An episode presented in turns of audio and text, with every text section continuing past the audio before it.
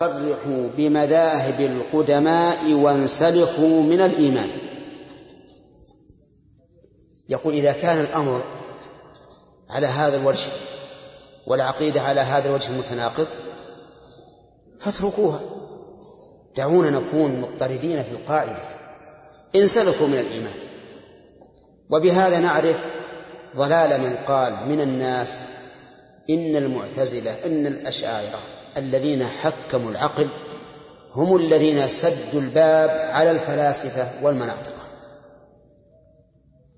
ابن القيم على عكس من هذا الرأي يرى أن هؤلاء هم الذين فتحوا الباب للفلاسفة والمناطقة والملحدين. قالوا إذا كنتم متناقضين في عقيدتكم وذي عقيدة ما هي هو بكلام يقال عقيدة. كيف تثبتون الإرادة وتنفون الرحمة؟ والباب واحد. إذن هذه عقيدة باطلة متناقضة. لا لا, لا نرضاه لا نرضاه وش نرضى على زعمهم؟ ها؟ النفي في كل شيء الكفر. انسلخوا من الإيمان والعقائد المتناقضة الفاسدة وقولوا ما, ما نؤمن بشيء أبدا. لا نؤمن بشيء أبدا. فتبين بهذا أن تناقض هؤلاء واضطرابهم هو الذي فتح للملاحدة الباب.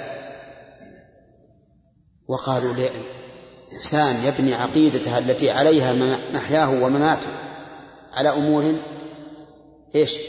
متناقضة؟ لا يمكن. انتبهوا لهذه النقطة المهمة في كلام الشيخ ابن القيم رحمه الله. قال فذروا المراء. وصرحوا بمذاهب القدماء وانسلخوا من الإيمان أو قاتلوا مع أئم مع مع أمة عندكم؟ أنا عندنا مع مع أئمة.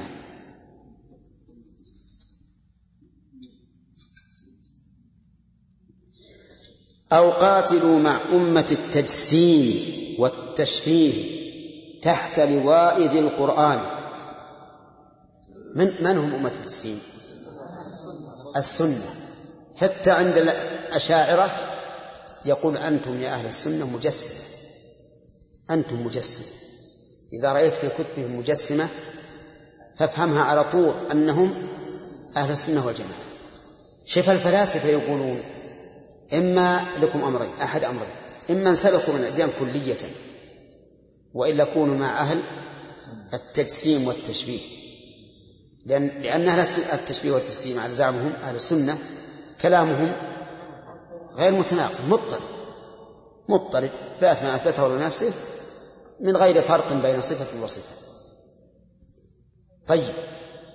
يقول أولى فلا تتلاعبوا بعقولكم وكتابكم وبسائر الأديان فجميعها قد صرحت بصفاته وكلامه وعلوه ببيان يعني إذا إذا لم تكونوا مع أمة التشبيه والتجسيم فأنتم متلاعبون بكتابكم نعم و وعقولكم وبسائر الأديان لماذا؟ لأنها كلها قد صرحت بصفاته وكلامه وعلوه ببيان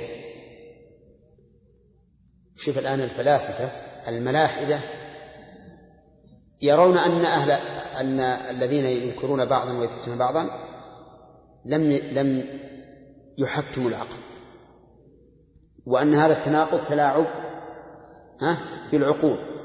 ثم قال والناس بين مصدق أو جاحد أو بين ذلك أو شبيه أتان. كم الأقسام؟ أربعة. بين مصدق كأهل السنة. أو جاحد كأهل التعطيل أو بين ذلك كالأشاعرة مصدق ببعض وجاحد لبعض أو شبيه أتان ما عنده عقيدة حمار. ها؟ ما عنده عقيدة إطلاقا. هذا مذهب الناس هذه أقسام الناس عنده. و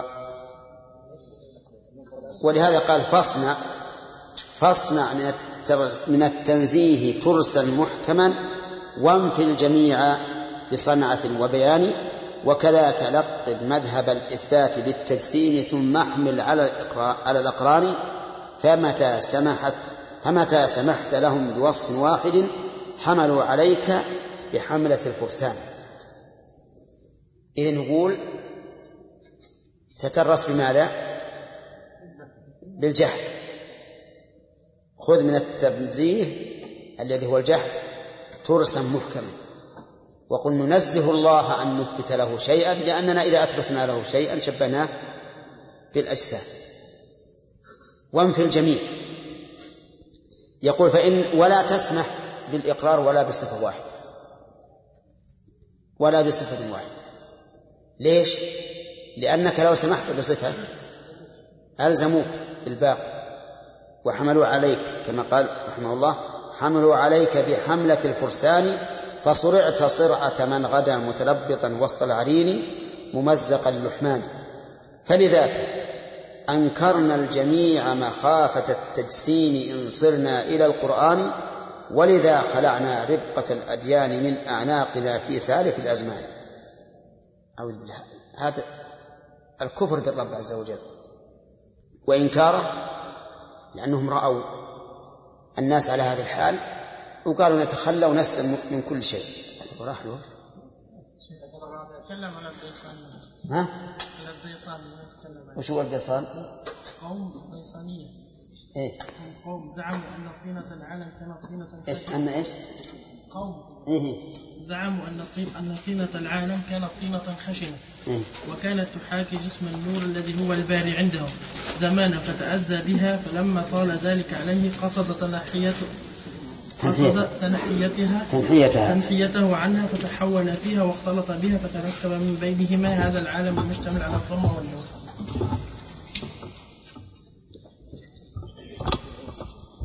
إيه ما أدري والله. ها؟ إيه بس ما أدري والله.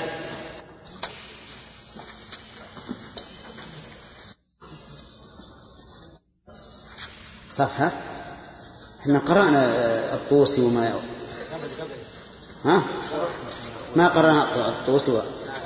إيه، طيب. أما وجدت ولذا خلعنا فلذاك أنكرنا الجميع. فلذاك أنكرنا الجميع مخافة التسليم إن صرنا إلى القرآن. قرأنا هذا. قرأنا. ولذا خلعنا قرأناه ولنا ولنا ولنا الأئمة كالفلاسفة الأولى. خابر خابر. بعدها أيضا. ولنا الأئمة قرأناها. طيب خير.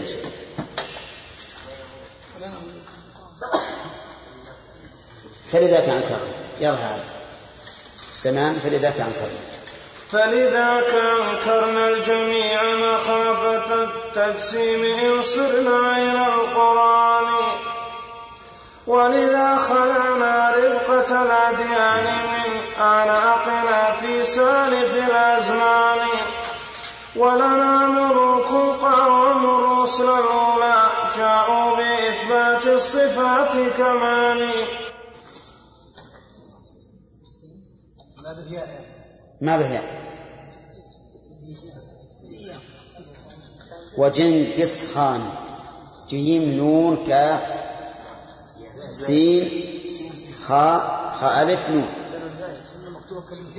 إيه لا لا. نعم. في آل فرعون وهامان وقارون ونمرود وجنكز خان. الأئمة كالفلاسفة الأولى لم يعبأوا أصلا بذي الأديان. منهم أرسطو ثم منهم أرسطو. منهم أرسطو ثم شيعته إلى هذا الأوان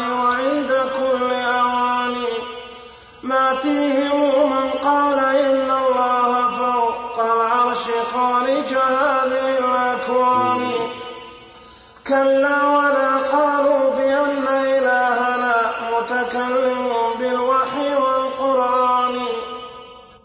ولأجل هذا رد فرعون نار موسى ولم يقدر على الإيمان. إذ قال موسى ربنا متكلم فوق السماء وأنه متداني إنه. ما؟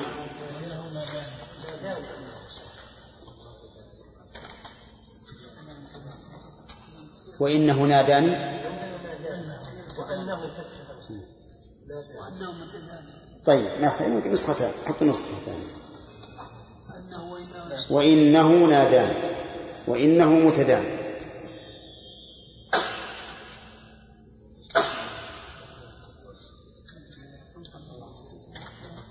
إذ قال موسى ربنا متكلم فوق السماء وإنه متداني وكذا ابن سينا لم يكن منكم ولا أتباعه بل صانه بدهان وكذلك الطوسي لما أنادى ذا قدرة لم يخش من سلطان قتل الخليفة والقضاة وحامل القرآن والفقهاء في البلدان. إذ هم مشبهة مجسمة وما دانوا بدين أكابر اليونان. ولنا الملاحدة الفحول أئمة التعطيل والتسكين أهل سنان. تسكين. تسكين. معكم الشرح. شغول.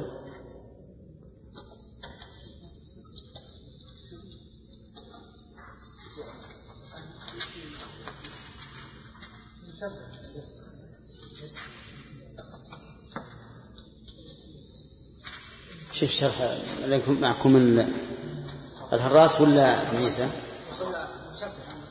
ها؟ وما نقم هذا الملحد من هؤلاء الا انهم في نظره مشبهه مجسمه ثم قال ولا ولا يدينون مثل دين اليونان المروق والالحاد وممن ينتسب إلى جماعتنا كذلك وصول الملاحده من ال سنان.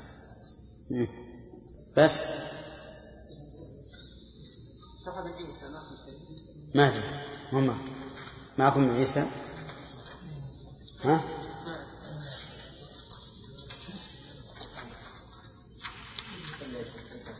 يقول؟ وقول الناظم كان الشمالي هو سنان البصري الذي كان في تكوين الاسماعيليه بالشام وكان يقول قد رفعت قد رفعت عنهم الصلاة والصوم والحج والزكاة. وأما الشفاء فهو من مصنفات ابن سينا. لا خلاص.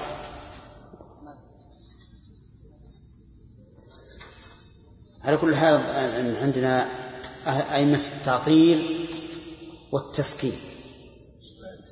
والتسكين لعل معناها ما ذكر.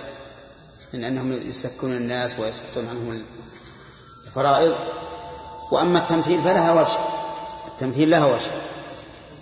أو التشبيه. لأنه لما ذكر أئمة التعطيل قال التشبيه لكن هو الآن يتكلم عن المعطلة. نعم. فيما بعد. ها؟ إيه هو, يعني يعني أهل السنة والجماعة. يقول يقول إن الطوسي قتل الخليفة والقضاة وحامل القرآن لأنه مشبه ومجسم. على كل حال يتكلم عن هؤلاء الذين عطلوا الصفات ابن سينا وأتباعه وأئمة الكفر. وقال إنهم يستدلون بقول فرعون وهامان والله عز وجل يقول عن, عن قوم فرعون وجعلناهم أئمة يدعون إلى النار ويوم القيامة لا ينصرون نعم. ولنا تصانيف بها غالبتم مثل الشفاء ورسائل الإخوان. وكذا الإشارات التي هي عندكم قد ضمنت لقواطع البرهان. قد صرحت بالضد مما جاء في التوراة والإنجيل. عندكم مثل الفصوص وفوقها. مثل النصوص. النصوص.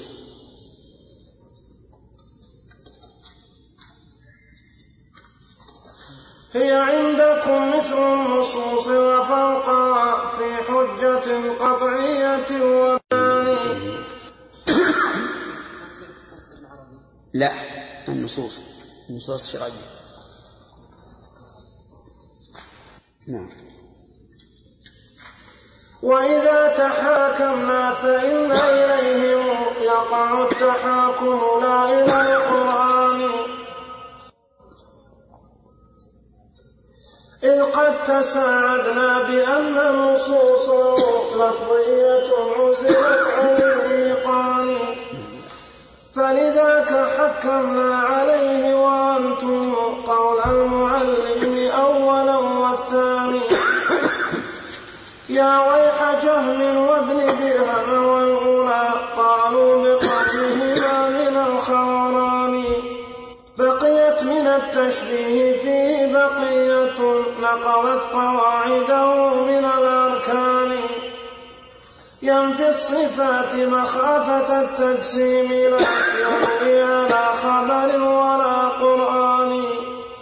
ويقول إن الله يسمع أو يرى وكذاك, يعلم سر كل جنان ويقول إن الله قد شاء الذي هو كائن من هذه الأكوان. ويقول إن الفعل مقدور له والكون ينسبه إلى الحدثان. فيه التجسيم يصرخ بالورى والله ما هذان متفقان لكننا قلنا محال كل ذا حذرا من التجسيم والإمكان. تكلم المؤلف الآن رحمه الله على مذاهب هؤلاء المعطلة وذكر مستنداته من القائلين والكتب التي عددها وأئمتهم وقال إنهم نفوا الصفات مخافة التجسيم. فهم في الحقيقة وقعوا في التجسيم ووقعوا في التشبيه لأنهم ظنوا أن مدلول النصوص هو التجسيم والتشبيه. لما ظنوا هذا الظن صاروا ينفون ذلك. قالوا إنه لو ثبت أن له كذا لكان هذا جسما والأجسام متماثلة فنقول أنتم الآن فهمتم النصوص على وجه إيش؟ التجسيم والتمثيل. وهذا خطأ. النصوص ما دلت على هذا. النصوص دلت على صفات لله عز وجل تليق به ولا تماثل صفات المخلوقين. وذلك لأن الصفة تابعة للموصوف. فأنت إذا أردت أي صفة إلى موصوفها فإن ذلك يمنع أن تكون مثل الصفة المضافة إلى موصوف آخر لأنها مقيدة.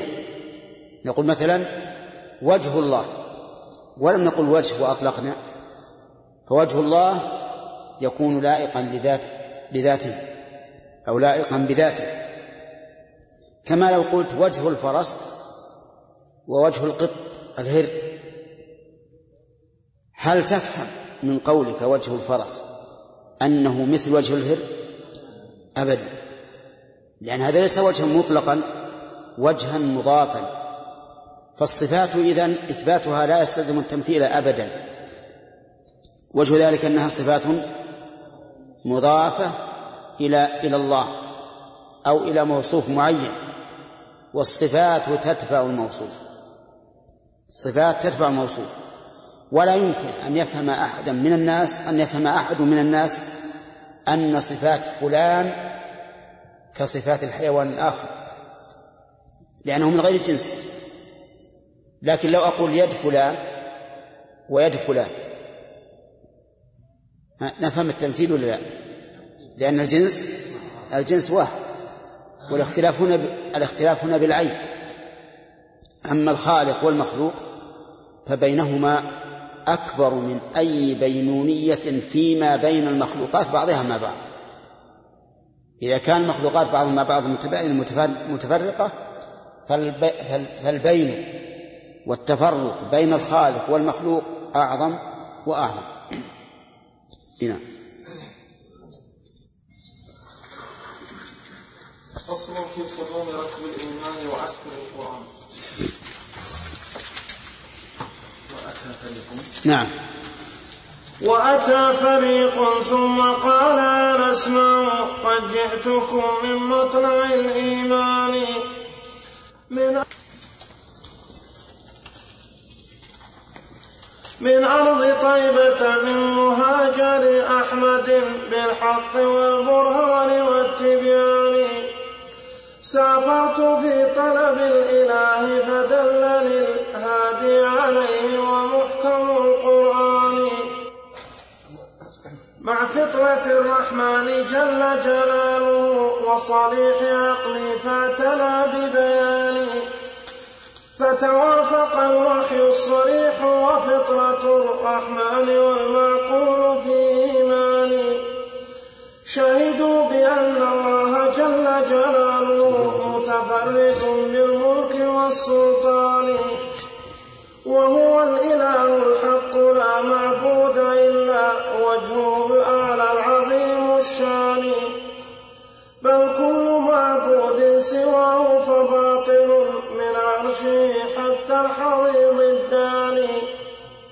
وعبادة الرحمن غاية حبه مع ذل عابده هما قطبان وعليهما فلك فلك فلك العبادة دائر ما دار حتى قامت القطبان. ومداره بالأمر أمر الرسول لا بالهوى والنفس والشيطان. يسخركم هذه خطأ كثير. ها؟ ها؟ فقيام دين الله بالإخلاص والإحسان إنهما له أصلان المؤلف رحمه الله في هذا الفصل ذكر قدوم ركب الإيمان وعسكر القرآن وذكر أن هذا الركب جاء من أرض طيبة من المدينة مهاجر أحمد عليه الصلاة والسلام وأنه طلب منا أن نستمع إليه في شرح مذهبه الذي هو عليه وبين أن مذهبه مبني على القرآن والسنة والعقل والفطرة وأن هذه الأربعة كلها توافقت عليه. شهدوا بأن الله سبحانه وتعالى واحد. منفرد بالملك والسلطان والألوهية وأن عبادته سبحانه هي الحق وما سواه فهي عبادة باطلة. كما قال الله تعالى ذلك بأن الله هو الحق وأن ما يدعون من دونه هو الباطل. وذكر أن عبادة الله مبنية على أصلين تدور عليهم غاية الحب وغاية الذل غاية الحب والذل من الإنسان يعني أن يكون محبا لله عز وجل طالبا الوصول إليه وبتحقق هذا القطب والأصل يندفع الإنسان إلى فعل المأمورات لأنه يطلب حبيبا وطالب الحبيب يسعى إلى الوصول إليه بكل طريق.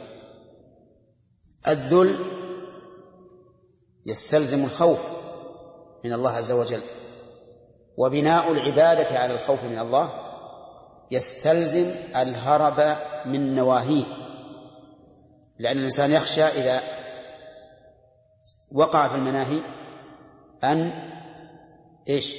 أن يأخذه الله تعالى أن يأخذه الله تعالى بذنبه.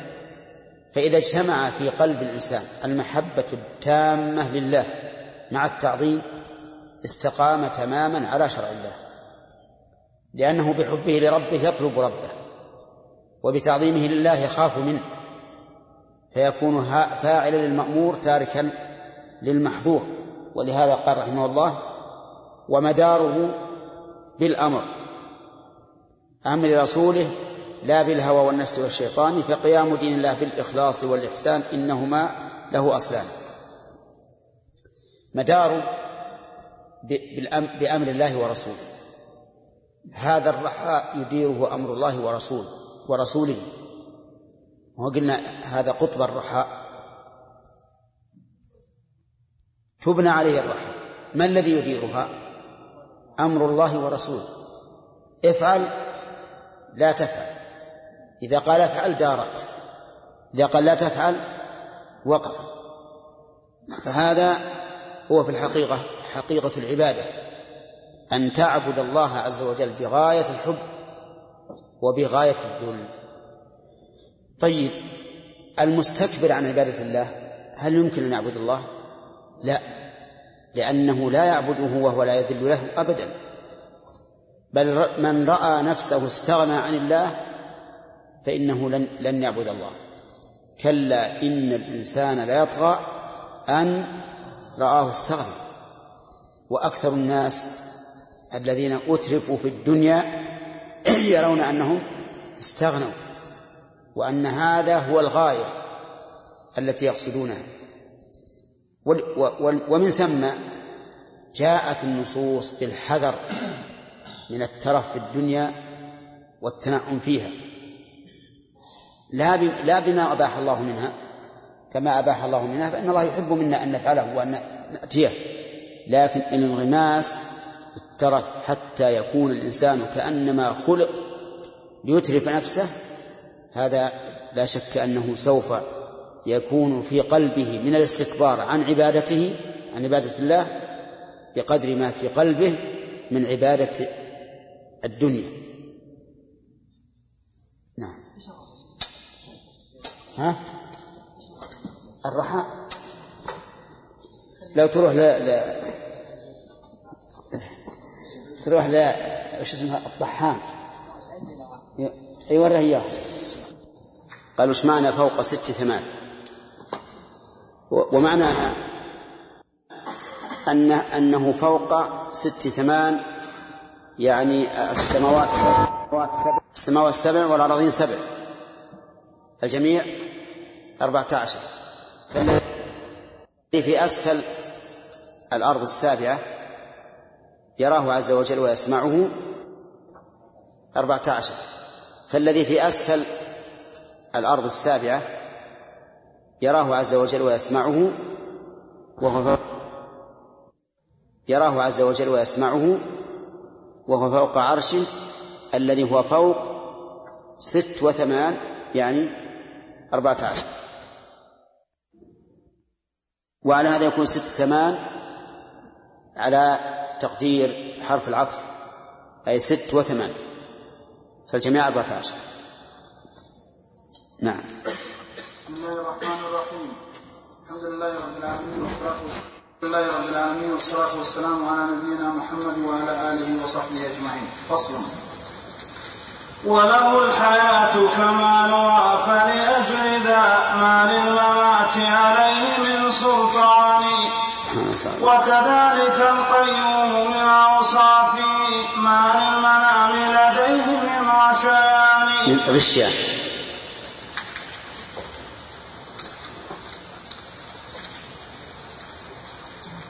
وكذلك القيوم من أوصاف ما للمنام وكذاك وكذاك أوصاف الكمال جميعا ثبتت له ومدارها الوصفان فمصحح الأوصاف والأفعال والأسماء حقا ذلك الوصفان. ولأجل ذا جاء الحديث بأنه في آية الكرسي وهي العمران الكرسي ما ما ما تشدد ولأجل ذا جاء الحديث بأنه في آية الكرسي وذي عمران.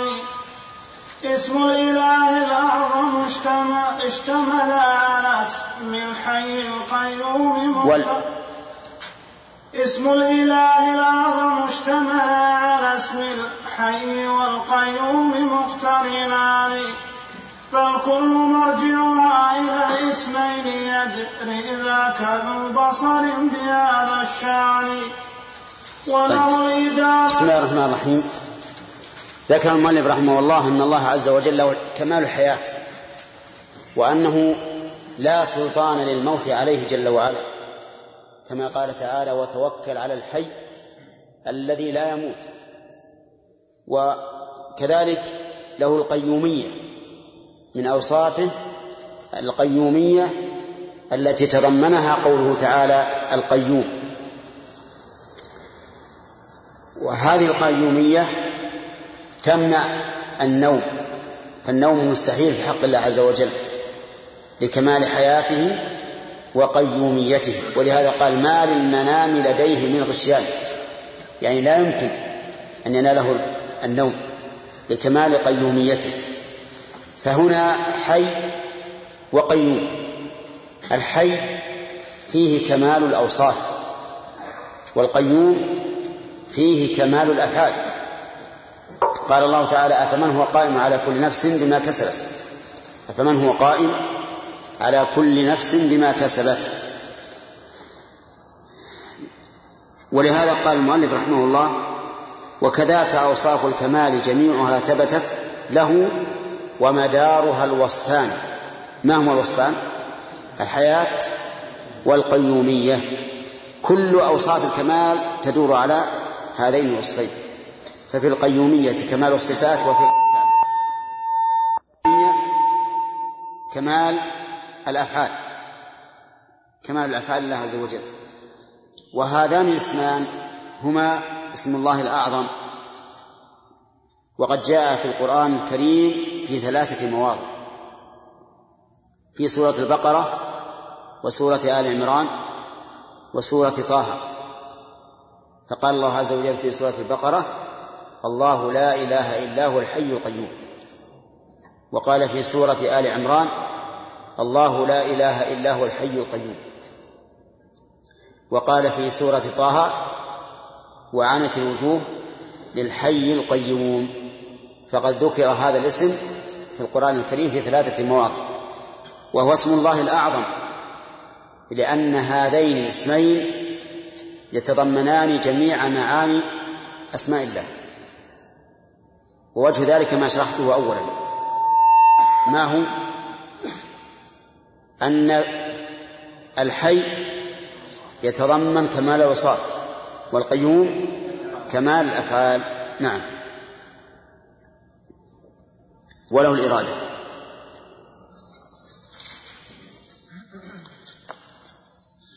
وله الإرادة والكراهة والرضا وله المحبة وهو ذو الإحسان. وله الكمال المطلق العاري عن التشبيه والتمثيل بالإنسان. وكمال من أعطى الكمال لنفسه أولى وأقدم وهو أعظم شان أيكون قد أعطى الكمال وما له ذاك الكمال أذاك ذو إمكان أيكون إنسان سميعا مبصرا متكلما بمشيئة وبيان وله الحياة وقدرة وإرادة والعلم بالكل والأعيان. والله قد أعطاه ذاك وليس هذا وصفه فاعجب من البهتان. المؤلف رحمه الله ذكر في هذه الأبيات أن لله الإرادة وهي موجودة في كتاب الله بكثرة ولكن الله يفعل ما يريد يريد الله بكم اليسر ولا يريد بكم العسر. والإرادة عند أهل العلم تنقسم إلى قسمين إرادة كونية وإرادة شرعية. والفرق بينهما من وجهين أولا الإرادة الكونية تكون فيما يحبه الله وفيما لا يحبه. والإرادة الشرعية لا تكون إلا فيما يحبه. الوجه الثاني الإرادة الشرعية قد يقع فيها المراد وقد لا يقع. والإرادة الكونية لا بد فيها من وقوع المراد. عرفتم الفرق الآن؟ طيب. الفرق الأول الإرادة الكونية تكون فيما يحب الله وفيما لا يحب. ولهذا نقول إن الله تعالى قد أراد إيمان المؤمن كونا. وأراد كفر الكافر كونا الأول فيما يحب والثاني فيما لا يحب. طيب. الفرق الثاني الإرادة الشرعية. لا بد فيها من آه، نعم. الإرادة الكونية لا بد فيها من وقوع المراد. والإرادة الشرعية قد يقع وقد لا يقع.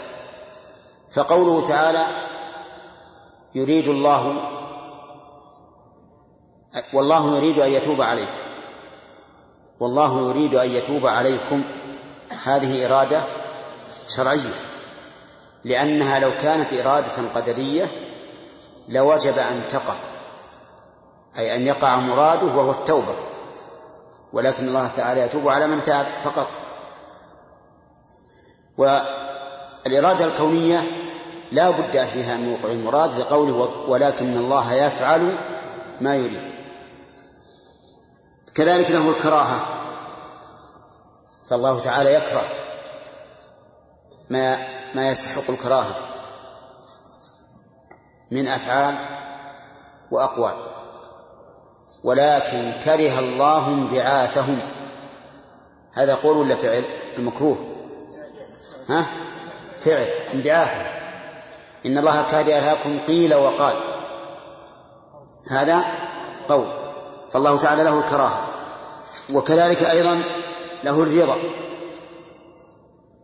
يرضى الأقوال ويرضى الأفعال ويرضى المؤمنين عن المؤمنين. طيب وكذلك أيضا له المحبة. يحب ويحب. كما قال تعالى فسوف يأتي له بقوم يحبهم ويحبونه. وهو ذو الإحسان وإحسان الله تعالى لا يمكن أن يعد ولا يحصى وإن تعدوا نعمة الله لا تحصوها. وله الكمال المطلق العاري عن التشبيه والتمثيل بالإنسان ثم ذكر المؤلف دليلا عقليا على أن الله له كمال. فقال وكمال من أعطى الكمال بنفسه أولى. أنا عندي بنفسه يمكن النسخة الثانية نعم؟ أحط النسخة الثانية لنفسه أولى.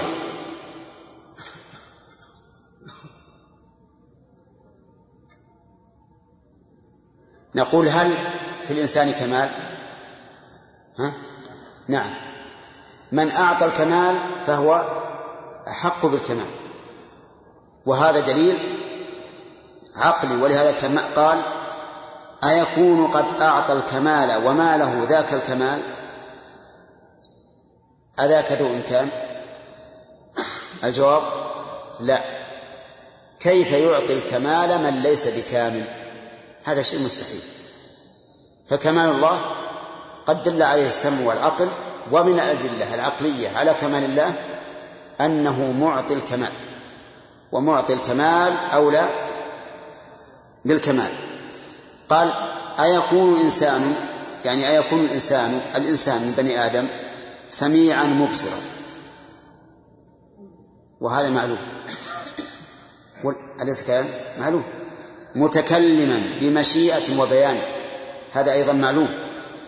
إنسان يتكلم بمشيئته ويتكلم كلاما فصيحا بينا وله الحياة. منه الإنسان وقدرة وإرادة والعلم بالكلي والأعيان والله قد أعطاه ذاك وليس هذا وصفه وصف من؟ وصف الله. يعني كيف يكون الإنسان متصفا بهذه الصفات الكاملة؟ والله هو الذي أعطاه الله أعطاه إياها وليس هذا وصفا لله. يقول فأعجب من البهتان فأعجب من البهتان. طيب كأن موردا أورد على المؤلف فقال النوم والأكل والنكاح من كمال الإنسان فهي بالنسبة للإنسان كمال. فهل تثبتها لله؟ طيب أنت تقول إن من أعطى الكمال فهو أولى بالكمال. والله تعالى قد أعطى الإنسان هذا ولهذا لا لا يدع الإنسان النوم إلا من مرض. ولا يدع الأكل إلا من مرض ولا يدع النكاح إلا من مرض. فمن كمال الإنسان إيش؟ النوم والأكل والشرب والنكاح. إذن يلزم على قاعدتك أن يكون الله تعالى متصفا بهذا. عرفت؟ طيب أجاب عليه المؤلف بما سنسمعه من القارئ. بخلاف نوم العبد ثم جماعة والأكل منه وحاجة الأبدان. إذ تلك ملزومات كون العبد محتاجا وتلك لوازم النقصان. وكذا لوازم كونه جسدا نعم ولوازم الأحداث الإحداث.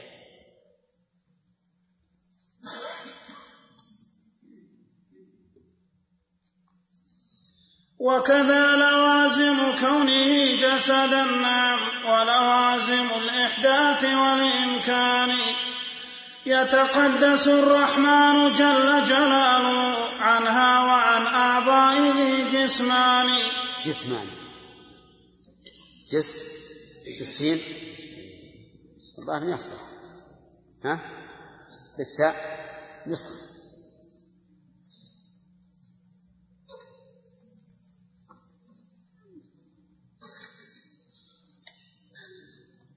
أجاب المؤلف رحمه الله تعالى عن ذلك بقوله بخلاف نوم العبد ثم جماعة والأكل منه وحاجة الأبدان.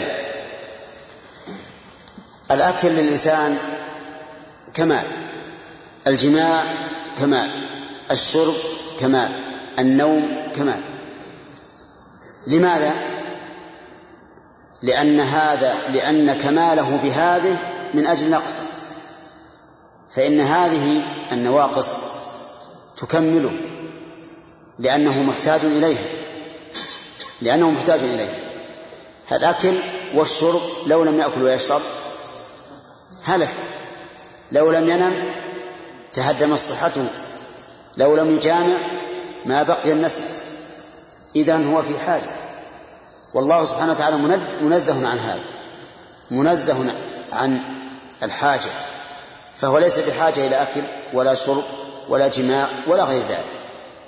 أما العبد فهذا من كماله لاحتياجه إليه لتقوم به ليقوم به كماله.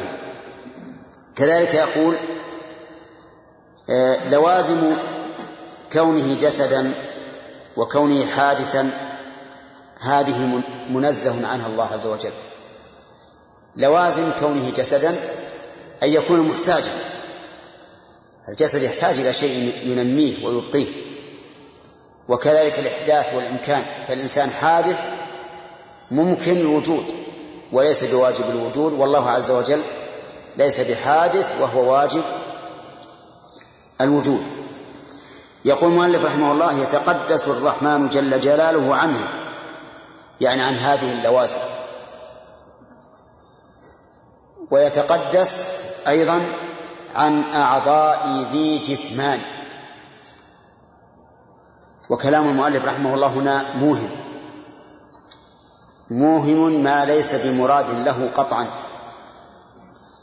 لأن قوله عن أعضاء ذي جثمان يشمل الوجه واليد والعين والقدم والساق. فإن هذه من أعضاء ذي الجسم. فهل الله منزه عنها؟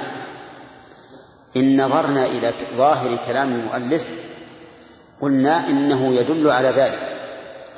لكن لعلمنا بحال المؤلف وأنه يثبت هذه الصفات الله عز وجل الوجه والعين واليد والساق والقدم لعلمنا بذلك كما نعلم الشمس في في ربعة النهار نعلم أنه لم يرد نفي هذا عن الله. وإنما أراد نفي خصائص هذه هذه الأعضاء بالنسبة للإنسان خصائص هذه الأعضاء بالنسبة للإنسان يجوز أن تنفصل من جسمه وأن لا تنفصل أليس كذلك؟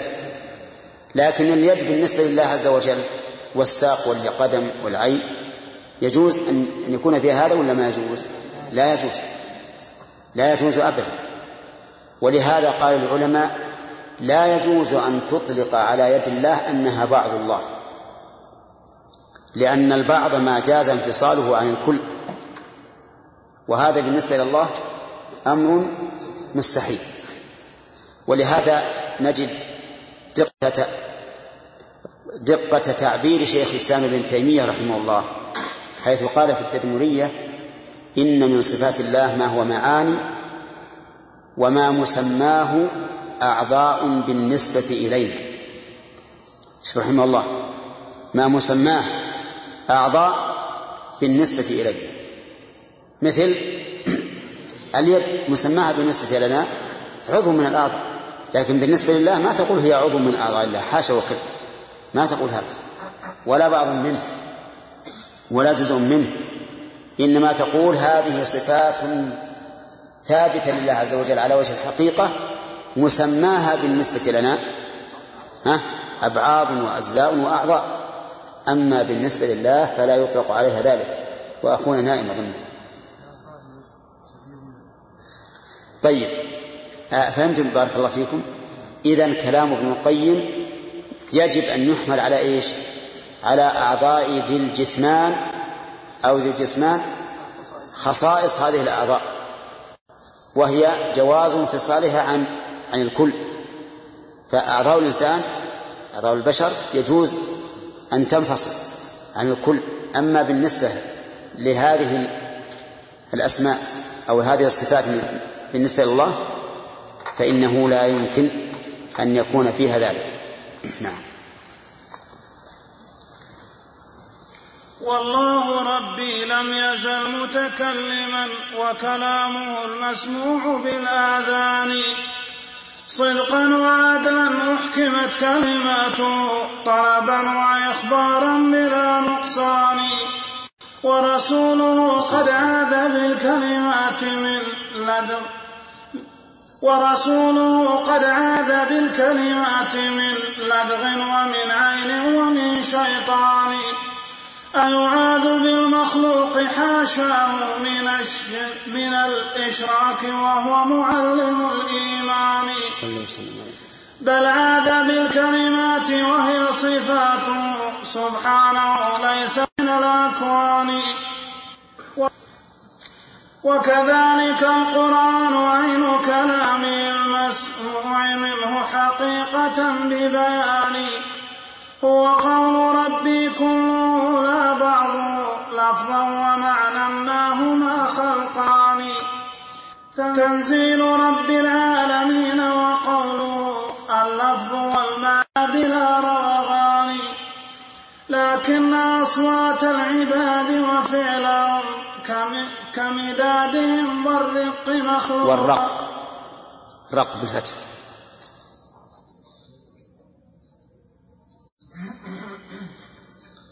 لكن أصوات العباد وفعلهم كمدادهم والرق مخلوقان. فالصوت للقارئ ولكن الكلام كلام رب العرش للإحسان. هذا إذا ما كان ثم وساطة كقراءة المخلوق للقرآن. فإذا انتفت تلك الوساطة مثل ما قد كلم المولود من عمران فهناك المخلوق نفس السمع لا شيء من المسموع فافهم ذلك. هذه مقالة أحمد ومحمد وخصوم من بعد طائفتان. ذكر المؤلف رحمه الله في هذه القطعة ما يتعلق من صفات الله عز وجل بالكلام.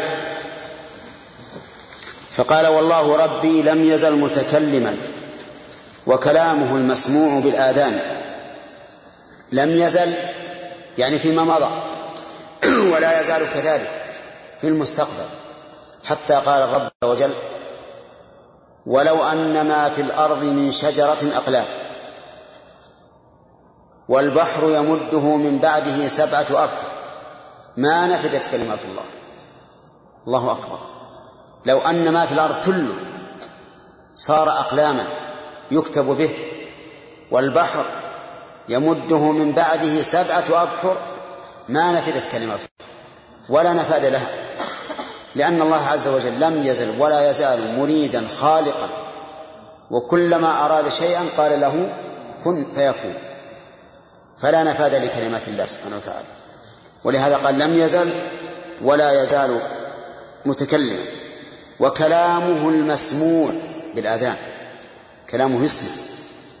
ليس يخلق أصواتا تسمع تعبر عن كلامه بل كلامه هو عز وجل مسموع بالآذان.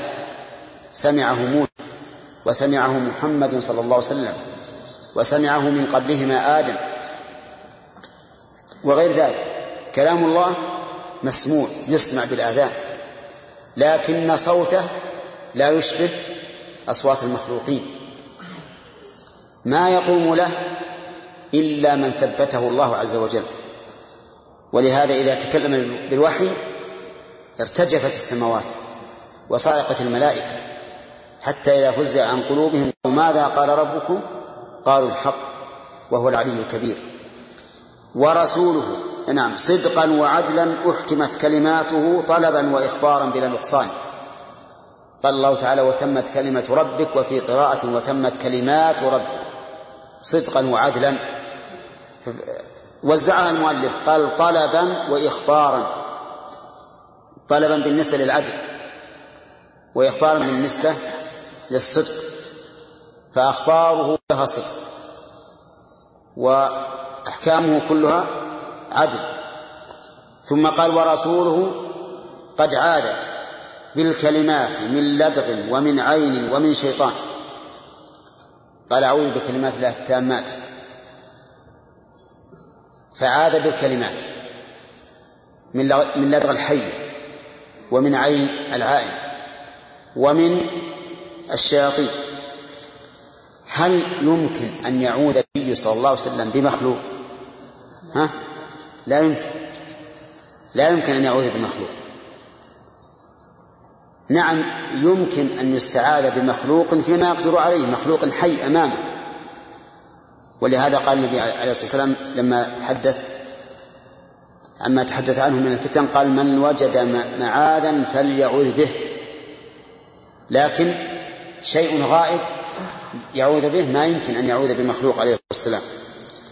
حاشاه من من الإشراك وهو معلم الإيمان بل عاد بالكلمات وهي صفاته سبحانه ليست من الأكوان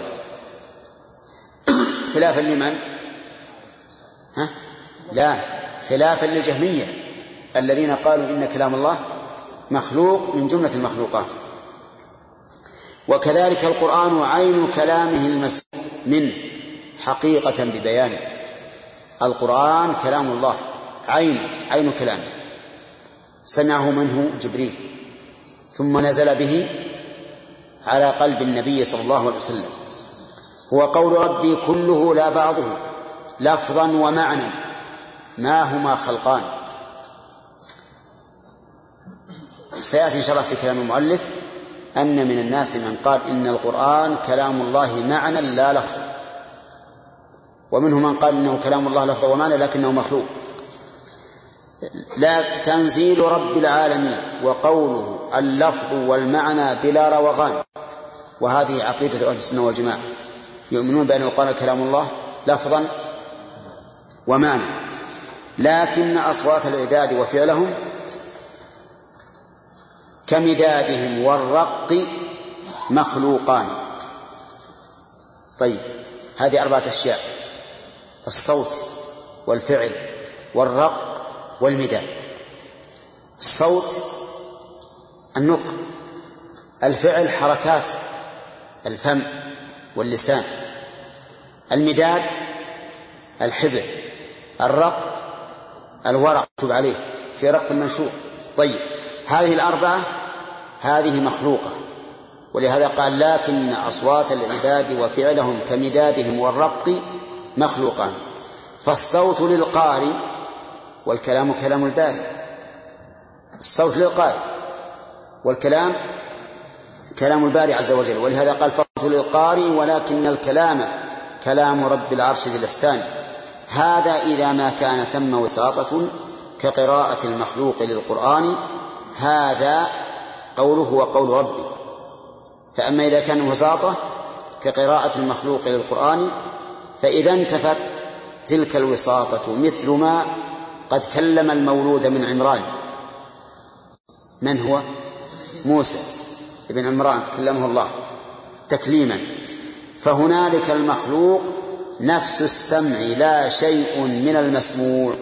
فافهم ذلك. هنا إذا كلم الله عز وجل أحدا بلا وساطة. فكلام الله غير مخلوق وهو المسموع. والسمع الذي حصل الذي أدرك الكلام مخلوق. ولهذا قال فهنالك المخلوق نفس السمع لا شيء من المسموع. فافهم ذاني هذه مقالة أحمد ومحمد. أحمد بن حنبل ومحمد بن إسماعيل البخاري رحمه الله. قالوا إن هناك فرقا بين. بين المقروء والقراءة. وبين القارئ المتكلم بالمقروء. المقروء إيش؟ غير مخلوق. القراءة مخلوقة. القارئ مخلوق. المتكلم بالمقروء وهو الله غير مخلوق. طبعا الله عز وجل. كلامه غير مخلوق. فكلامه غير مخلوق. وبهذا التفصيل يزول الإشكال. بهذا التفصيل يزول الإشكال. نعم. فهنا فرق بين الكلام والمتكلم بين القارئ والمقروء. ولهذا قال بعض السلف كما أشرت إليه من قبل الصوت صوت القارئ إيش؟ والكلام كلام الباري والله أعلم. نعم. خصومهم يبجون إيش اللي وقفنا عليه؟ هذه مقالة هذه مقالة أحمد. اللي بعده البيت اللي بعده. هذه مقالة أحمد ومحمد وخصومهم من بعد طائفتان. إحداهما زعمت بأن كلامه خلق له ألفاظ ومعاني. والآخرون أبوا وقالوا شطر خلق وشطر قام بالرحمن. زعموا القرآن عبارة وحكاية فلنا كما زعموا قلنا قلنا قلنا. زعموا القرآن عبارة وحكاية قلنا كما زعموا قرآنان هذا الذي نتلوه مخلوق كما قال الوليد وبعده الفئتان والآخر المعنى القديم فقائم بالنفس لم يسمع من الديان. وأمر عين النهي واستفهامه هو عين إخبار وذو إحدان عين إخبار بالكسر عندي. يصلح أخبار. جمع خبر يصلح. نعم. وهو الزبور وعين توراة وعين جيل وعين الذكر عين عين الذكر. وهو الزبور وعين توراة وإنجيل وعين الذكر والفرقان. كل شيء واحد في نفسه لا يقبل التبعيض في الأذهان. ما إلا كل ولا بعض ولا حرف ولا عربي ولا عبران. ولا عربي ولا ما ما ما شدد ما إلا كل ولا بعض ولا حرف ولا عربي ولا عبراني ودليلهم في ذاك بيت قال فيما يقال الأخطر النصراني يا قوم قد غلط النصارى قبل في معنى الكلام وما اهتدوا لبيان. ولأجل ذا جعلوا المسيح إلههم إذ قيل كلمة خالق الرحمن. ولأجل ذا جعلوه ناسوت ولاهوتا قديما بعد المتحدان ونظير هذا من يقول كلامه معنى قديم غير ذي حدثان والشطر مخلوق وتلك حروفه ناسوت لكنهما غيران. فانظر إلى ذا الاتفاق فإنه عجب وطالع سنة الرحمن. بسم الله الرحمن الرحيم. هذه المؤلف رحمه الله لما ذكر قول الإمام أحمد وقول البخاري رحمه الله قال وخصومهم من بعد طائفتان.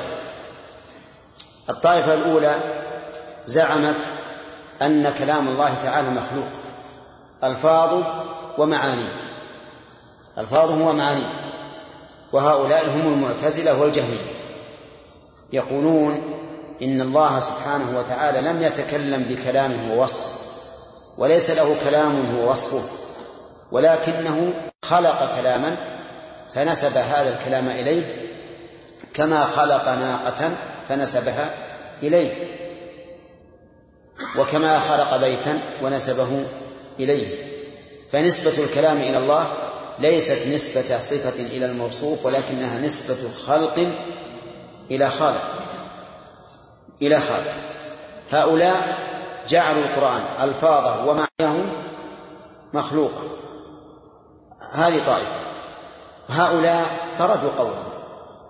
طردوا قولهم وقالوا القرآن كغيره من سائر المخلوقات مخلوق لله عز وجل وناظروا على ذلك وحصلت فيه محن كثيرة في زمن الإمام أحمد وبعده وقبله. الآخرون أبوا أبوا هذا القول وقالوا ما يمكن. كلام الله صفة ولكن جعلوا الألفاظ مخلوقة. والمعنى هو الصفة. فصار كلام الله على رأي هؤلاء شطرين. شطرا مخلوقا وشطرا غير مخلوق. ما هو الشطر المخلوق؟ الألفاظ. والشطر غير المخلوق المخلوق المعاني. فشطروا الكلام وقالوا الألفاظ مخلوقة خلقها الله عز وجل في الهواء في الجو فسمعها جبريل فنزل بها إلى الرسول صلى الله عليه وسلم. أما المعاني فهي قائمة بنفس الله قائمة بنفسه ما هي مخلوق عرفت؟ هؤلاء في الحقيقة تناقضوا. هؤلاء تناقضوا. فجعلوا اللفظ له جهة والمعنى له جهة. والمعتزلة خير منه في الطرد. كيف خير منه في الطرد؟ لأنهم طردوا الكلام وقالوا كل مخلوق الكل مخلوق. ولا يتصور أن ينفصل لفظ عن معناه ولا معنى عن لفظ كيف نقول هذا المعنى مخلوق؟ المعنى غير مخلوق؟ واللفظ مخلوق. والمعنى كلام؟ والمعنى واللفظ حدث. هذا ما يصير. بل الكل محدث والكل مخلوق وانتهينا انتبهوا. فأيهما أقعد؟ ها؟ مذهب المعتزلة أقعد. لأنه مضطرب ولا يعقل أن كلاما من متكن واحد يكون لفظه له وجه ومعناه له وجه آخر. شوف البلية هذا اللي ذكر. قال زعموا القرآن عبارة وحكاية. قلنا كما زعموا قرآنان. قرآن حكاية وقرآن قول وصفة. ما هو القرآن الذي هو الصفة ها؟ معنى. والقرآن اللي هو حكاية وعبارة؟ اللفظ. إذا عندنا قرآنان. القرآن الذي هو المعنى القائم بنفس الرب عز وجل والقرآن الذي هو المسموع. نعم. ولهذا قال قلنا كما زعموا قرآنا هذا الذي نتلوه مخلوق. صح. هذا مذهبهم يقول الذين الذين يتلوه مخلوق. والمعنى القائم بنفس الله هذا الصفة غير مخلوق. ولهذا قال بعض المحققين منهم نحن والمعتزلة على حد سواء. كلنا متفقون على أن ما بين دفتي المصحف إيش؟ مخلوق. ومتفقون على هذا. لكن الأشعرية وهم أصحاب هذا القول الذي يقول معناه هو الكلام واللفظ مخلوق يقولون هذا عبارة عن كلام الله. والمعتزلة يقولون هذا كلام الله. شوف سبحان الله. المعتزلة يؤلف المصحف هذا كلام الله. وهؤلاء يقولون هذا عبارة عن كلام الله وليس كلام الله. واتفق الجميع على أنه مخلوق. طيب أيهما أقوم؟ المعتزلة يقول يا جماعة هذا كلام الله. مخلوق. هؤلاء يقولون هذا مخلوق وليس كلام الله. الأشاعرة. والحقيقة أني ما أتفضل لهذا المعنى.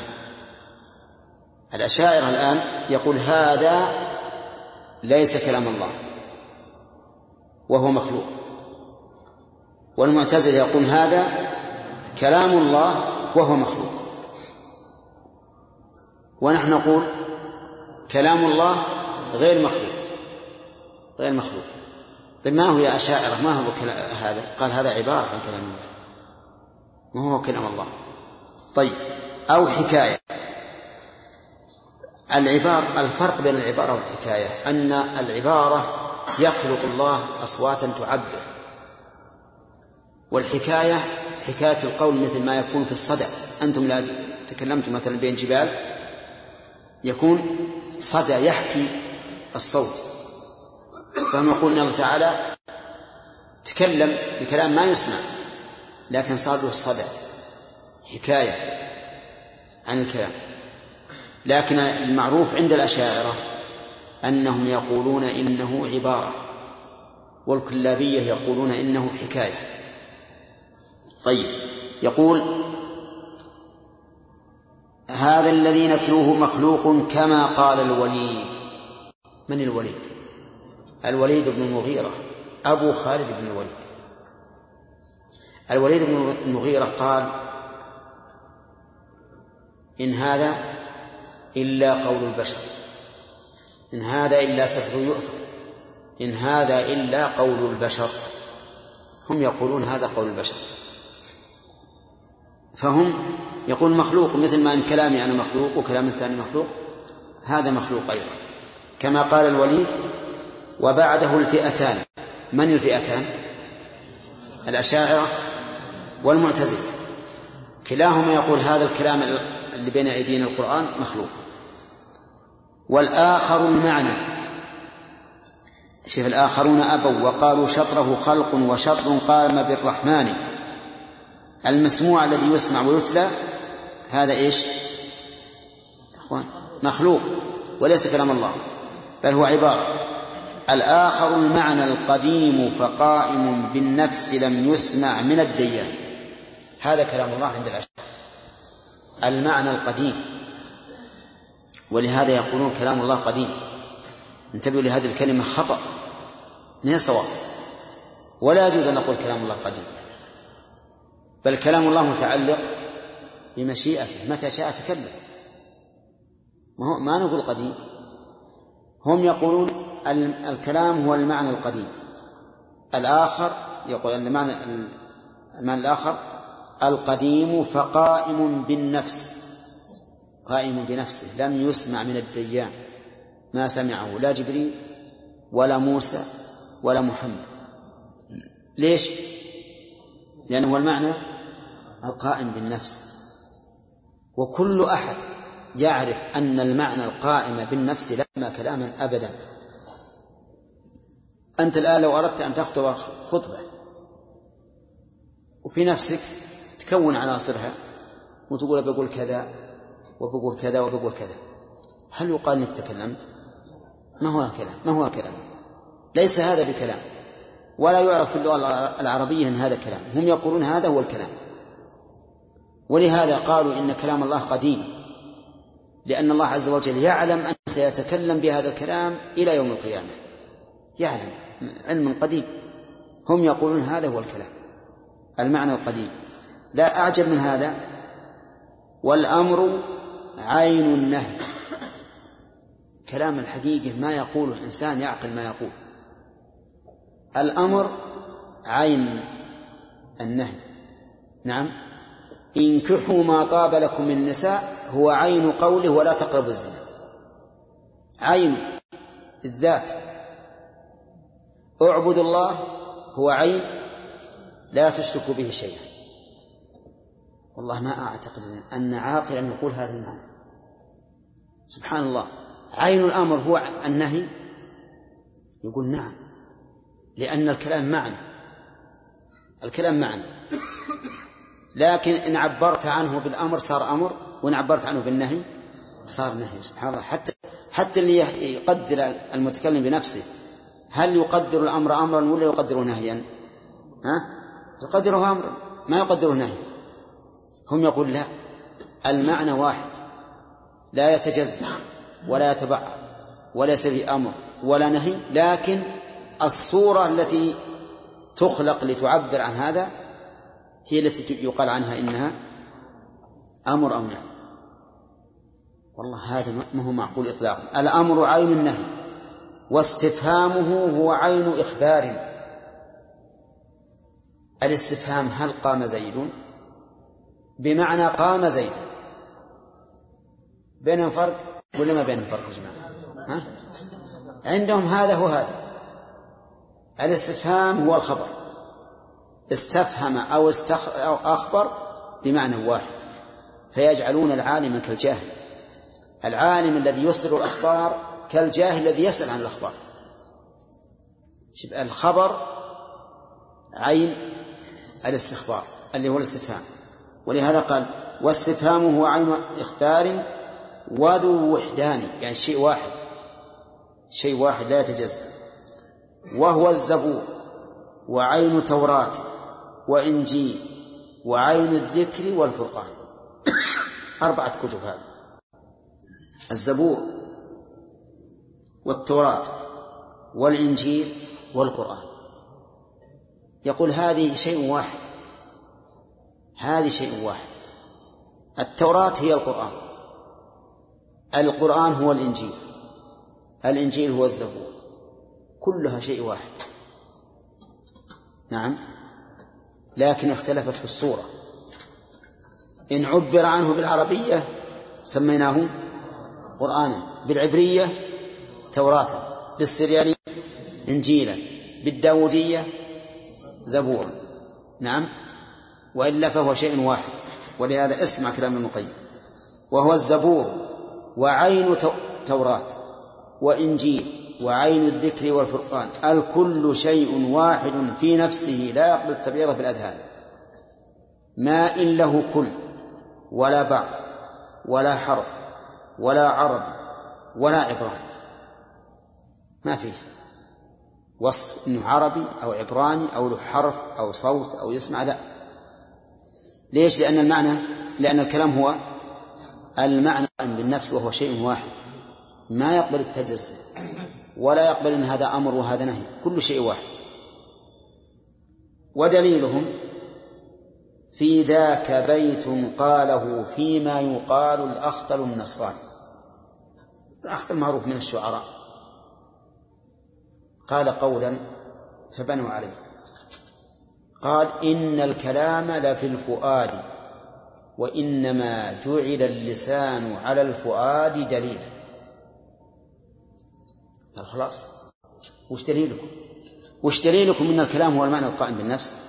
دليلنا كلام الأخطر. النصراني إن الكلام وين محله؟ لا في الفؤاد. وإنما جعل اللسان على الفؤاد دليلا. الحقيقة أنه استدلال بما لا دليل فيه. ثانيا نعم بما لا دليل فيه من وجهين. الوجه الأول أن هذا البيت لا يراد به المعنى الذي يقوله.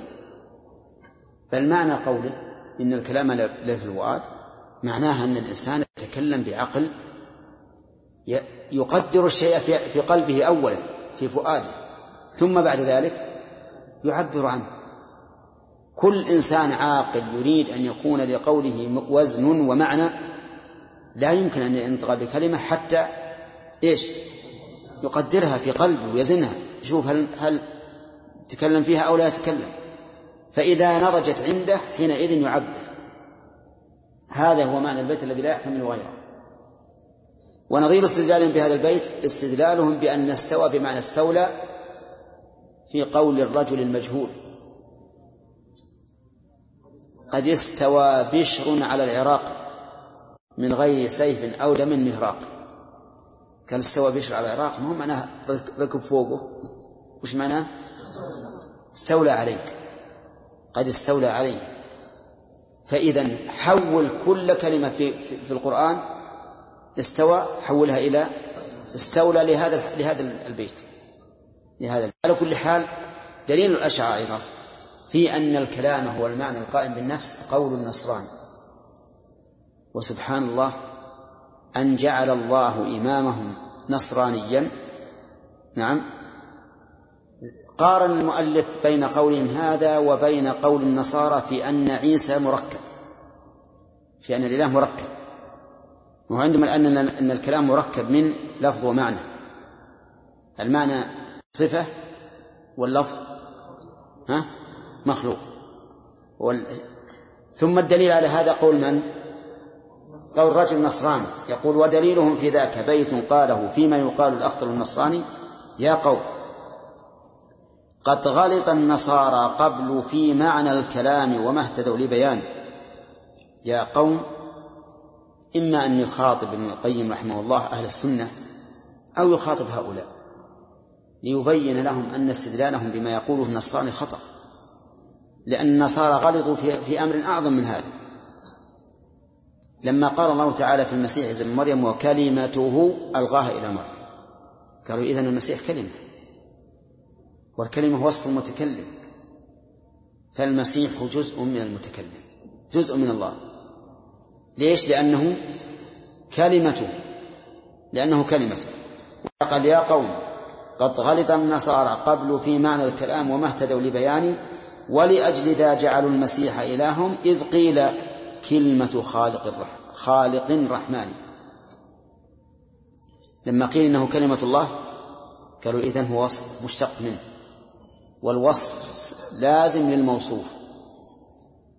فهو إذن إله.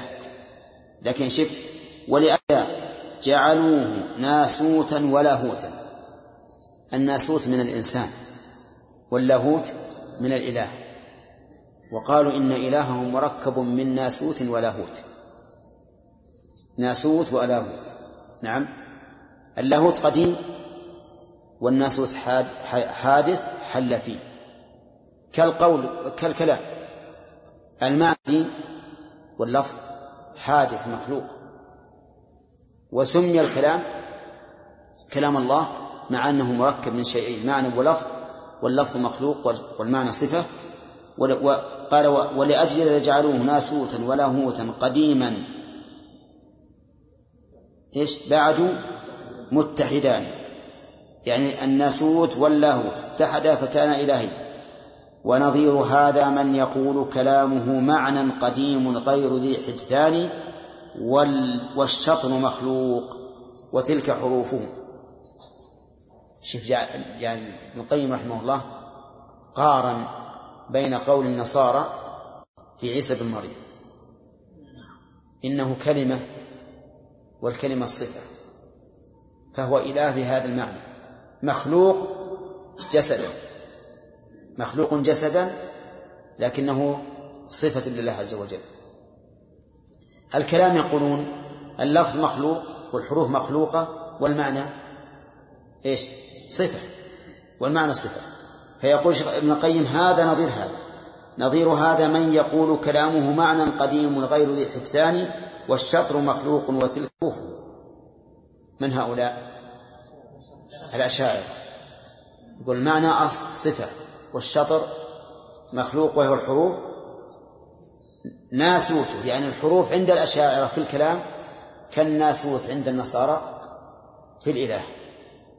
لكن هما غيران لأن اللفظ غير المعنى وعيسى غير الله لكن اتحد.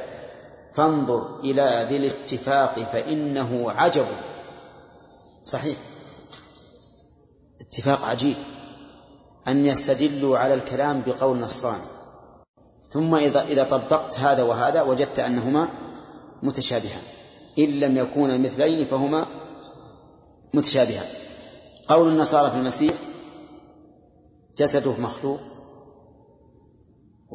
ومعناه حقيقته غير مخلوق لأنه كلمة الله؟ هؤلاء يقولون اللفظ مخلوق والمعنى غير مخلوق صفة. يقول فإنه عجب وطالع سنة الرحمن. الله أكبر. كل من ضل عن الحق ففيه شبه من غير المسلمين. قاعدة عامة. كل من ضل عن الحق ففيه شبه من غير المسلمين. لأن الرسول صلى الله عليه وسلم قال إن اليهود إن اليهود افترقوا على 71 فرقة والنصارى على 72 فرقة. هذه الأمة ستفترق على 73 فرقة. إذا ما من شيء في هؤلاء سيأخذ في هذه الأمة. يركبون سنة من كان قبلهم فكل من خالف ما عليه الرسول وأصحابه سوف يأخذ بنصيب من موافقة من؟ اليهود والنصارى. الحسد. الكذب الخداع كل موجود هذا في اليهود والنصارى. قضية الكلام تشبه من بعض الوجوه إن لم تماثل قضية عيسى بن مريم في معتقد النصارى. يقول جسد عيسى المخلوق وحادث ما في إشكال. لكن الله المعنى لهذا الجسد إله صفة من صفاته. فاتحد بعد أن كان مفترقين متغيرين اتحدا وصار شيئا واحدا. ولهذا عندهم الإله مركب من ها من ثلاثة. نعم. فالمهم على كل حال ابن القيم رحمه الله شدد في هذا الموضوع. شدد في هذا الموضوع لأن كلامهم بما يطلونه من الزخارف قد يغتر به بعض الناس. وفي الحقيقة أن الإنسان لا يعقل إطلاقا هذا القول الذي ذهب إليه هؤلاء. من يعقل الفرق بين بين اللفظ والمعنى؟ اللفظ في الحقيقة هو دلالة المعنى. وكيف يمكن لأي عاقل أن يقول إن الأمر هو النهي هو عين النهي؟ هذا معقول. قم هو عين لا تقم. كيف هذا؟ كيف يعقل أن الاستفهام هو عين الخبر؟ فرق بين أقول هل قام زيد وبين أن أقول زيد مثل ما بين السماء والأرض. طيب القرآن قال القرآن هو التوراة. هو التوراة قال نعم لا فرق. لكن عبر عنه بالعبرية فصار توراة وبالعربية فصار قرآنا سبحان الله. فرق بين القرآن والتوراة من, من, من آلاف الوجوه. في الشمول في الصلاحية لكل زمان ومكان. التوراة نزلت لقوم معينين لبني إسرائيل. وكل تشريعاته تليق ببني إسرائيل. شدد عليهم وضعت عليهم الآثار والأغلال حرم عليهم بعض الحلال في في شريعتهم في التوراة. لكن في القرآن بالعكس. في الإنجيل فيه التسامح كثير جدا. لكن في القرآن لا. حزم. القرآن جمع بين الحزم وبين اليسر فالحاصل أنه كيف نقول إن التوراة والإنجيل والقرآن والزبور كل هذه شيء واحد لكن تختلف بالأساليب.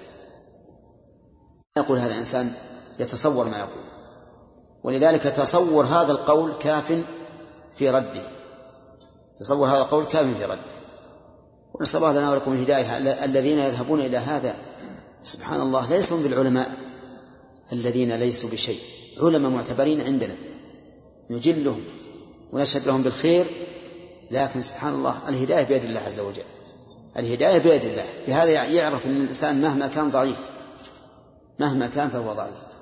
وإلا ففيهم أناس اعتنقوا هذا القول. أجلة. نشهدهم بالخير بمحبة عز الإسلام وشأنه. ولكن سبحان الله العظيم. أي نعم. نعم. أي نعم. أي نعم. الآن يقول كلام الله هو المعنى القائم بنفسه. قبل أن نبدأ بالدرس الجديد ننظر ماذا حصلنا مما سبق. فما هو مذهب أهل السنة والجماعة؟ في ياسر في القرآن الكريم في اللفظ هل هو مخلوق ولا غير مخلوق؟ في لفظ القرآن في اللفظ بالقرآن أنه غير مخلوق. هذا مذهب أهل السنة والجماعة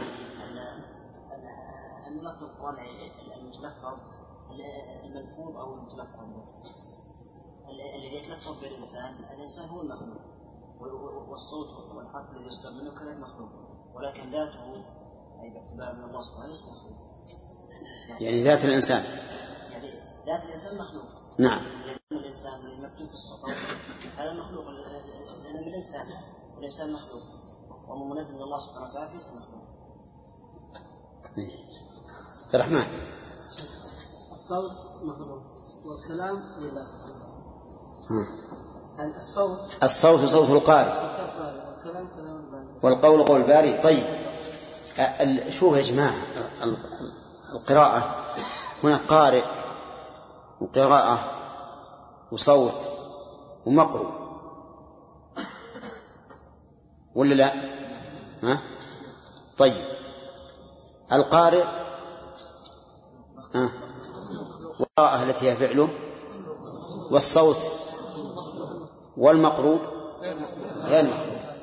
هذه أربعة أشياء واحد منها غير مخلوق والباقي مخلوق. طيب. بالنسبة للسمع نقول عندنا سامع وسمع والثالث مسموع. السامع مخلوق والسمع مخلوق. والمسموع لا التفصيل إن كان صوت القارئ كان مسموع صوت القارئ فهو مخلوق. وإن قصد به ما يلفظ به القارئ فهو غير مخلوق. هذا هذا هو تحريم مذهب أهل السنة والجماعة في هذه المسألة. واعلموا أيضا أنه أن أهل السنة والجماعة أو العلماء منهم ما ألجئوا لهذه التفاصيل للضرورة. لما تكلم أهل البدع بهذا في هذا الباب قالوا لا بد أن نتكلم. وإلا لكنا نقول القرآن كلام الله فقط وكفى. فأجره حتى يسمع كلام الله. لكن اضطروا إلى هذه التفاصيل من أجل مقاومة أهل البدع ومقارعتهم. طيب ما هو مذهب المعتزلة في القرآن يا عبد الله؟ المخلوق. وعلى هذا كل الأربعة هذه تكون عندهم كل الأربعة القارئ والقراءة والصوت والمقروء كل هذا مخلوق عند ها؟ عند المعتزلة ويرون أن أن كلام الله من جملة المخلوقات. طيب لماذا نسب إلى الله آدم؟ كيف قيل كلام الله؟ وهو مخلوق. لأن يعني هو ربنا هو باب التشريع أن يكون ينزل من السماء هو القرآن. ما هذا؟ نعم يا أحمد. وأن كلام الله سبحانه منزل كلام الله هو والمنفذ به. لا على رأي من يقول إنه مخلوق المعتزلة وأنه مثل السماء ومثل الأرض ومثل الشمس والقمر.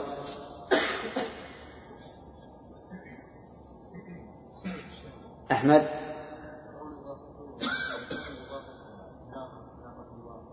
تشريف إضافة تشريف وتعظيم. يعني مثل قيل لهم إذا كان كلام الله مخلوقا على زعمكم لازم أن يكون كلامي أنا كلام لله لأن الله خلق. قالوا نعم كلامك أنت مخلوق لله. وهذا الكلام مخلوق لله لكن أضيف إلى الله من باب التشريف من باب التشريف والتعظيم. طيب الأشاعرة ماذا يقولون بندر في كلام الله. نعم. الألفاظ مخلوقة. نعم. وأما بالنسبة للمعنى فانها صفة من صفات الله عز وجل. غير مخلوق. غير مخلوق. فيجعلون الكلام شطر مخلوق وشطر غير مخلوق. المعنى القائم بالنفس هذا غير مخلوق وهذا هو معنى الكلام عندهم والألفاظ هذه مخلوقة. طيب. على هذا الرأي يا عبد الرحمن بن داود. إذا كان الكلام هو المعنى القائم بالنفس فماذا يقولون عن عما إذا كان الكلام استفهاما أو خبرا أو أمرا أو نهيا أو باللغة العربية أو العبرية أو السريانية كلها معنى كلها معنى واحد. الأمر والنهي معناه واحد. واحد. والاستفهام والخبر معناهما واحد. والقرآن والتوراة شيء واحد كلها شيء واحد. لكن اختلف التعبير. اختلف التعبير. طيب. استدل هؤلاء بدليل قاله فيما يقال. آه، إيش قال؟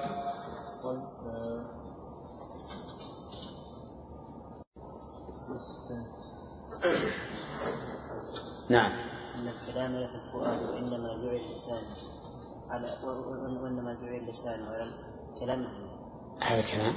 أن أن أن, أن الكلام الفؤاد وإنما جعل اللسان على الفؤاد. دليل إن الكلام لفي الفؤاد وإنما جعل اللسان على الفؤاد دليل. كذا؟ هل معنى البيت ما يذهبون إليه؟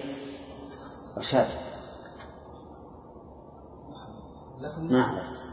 لكن ليس ما يعني ليس من دليل على على ما يذهبون إليه. إيش معنى البيت؟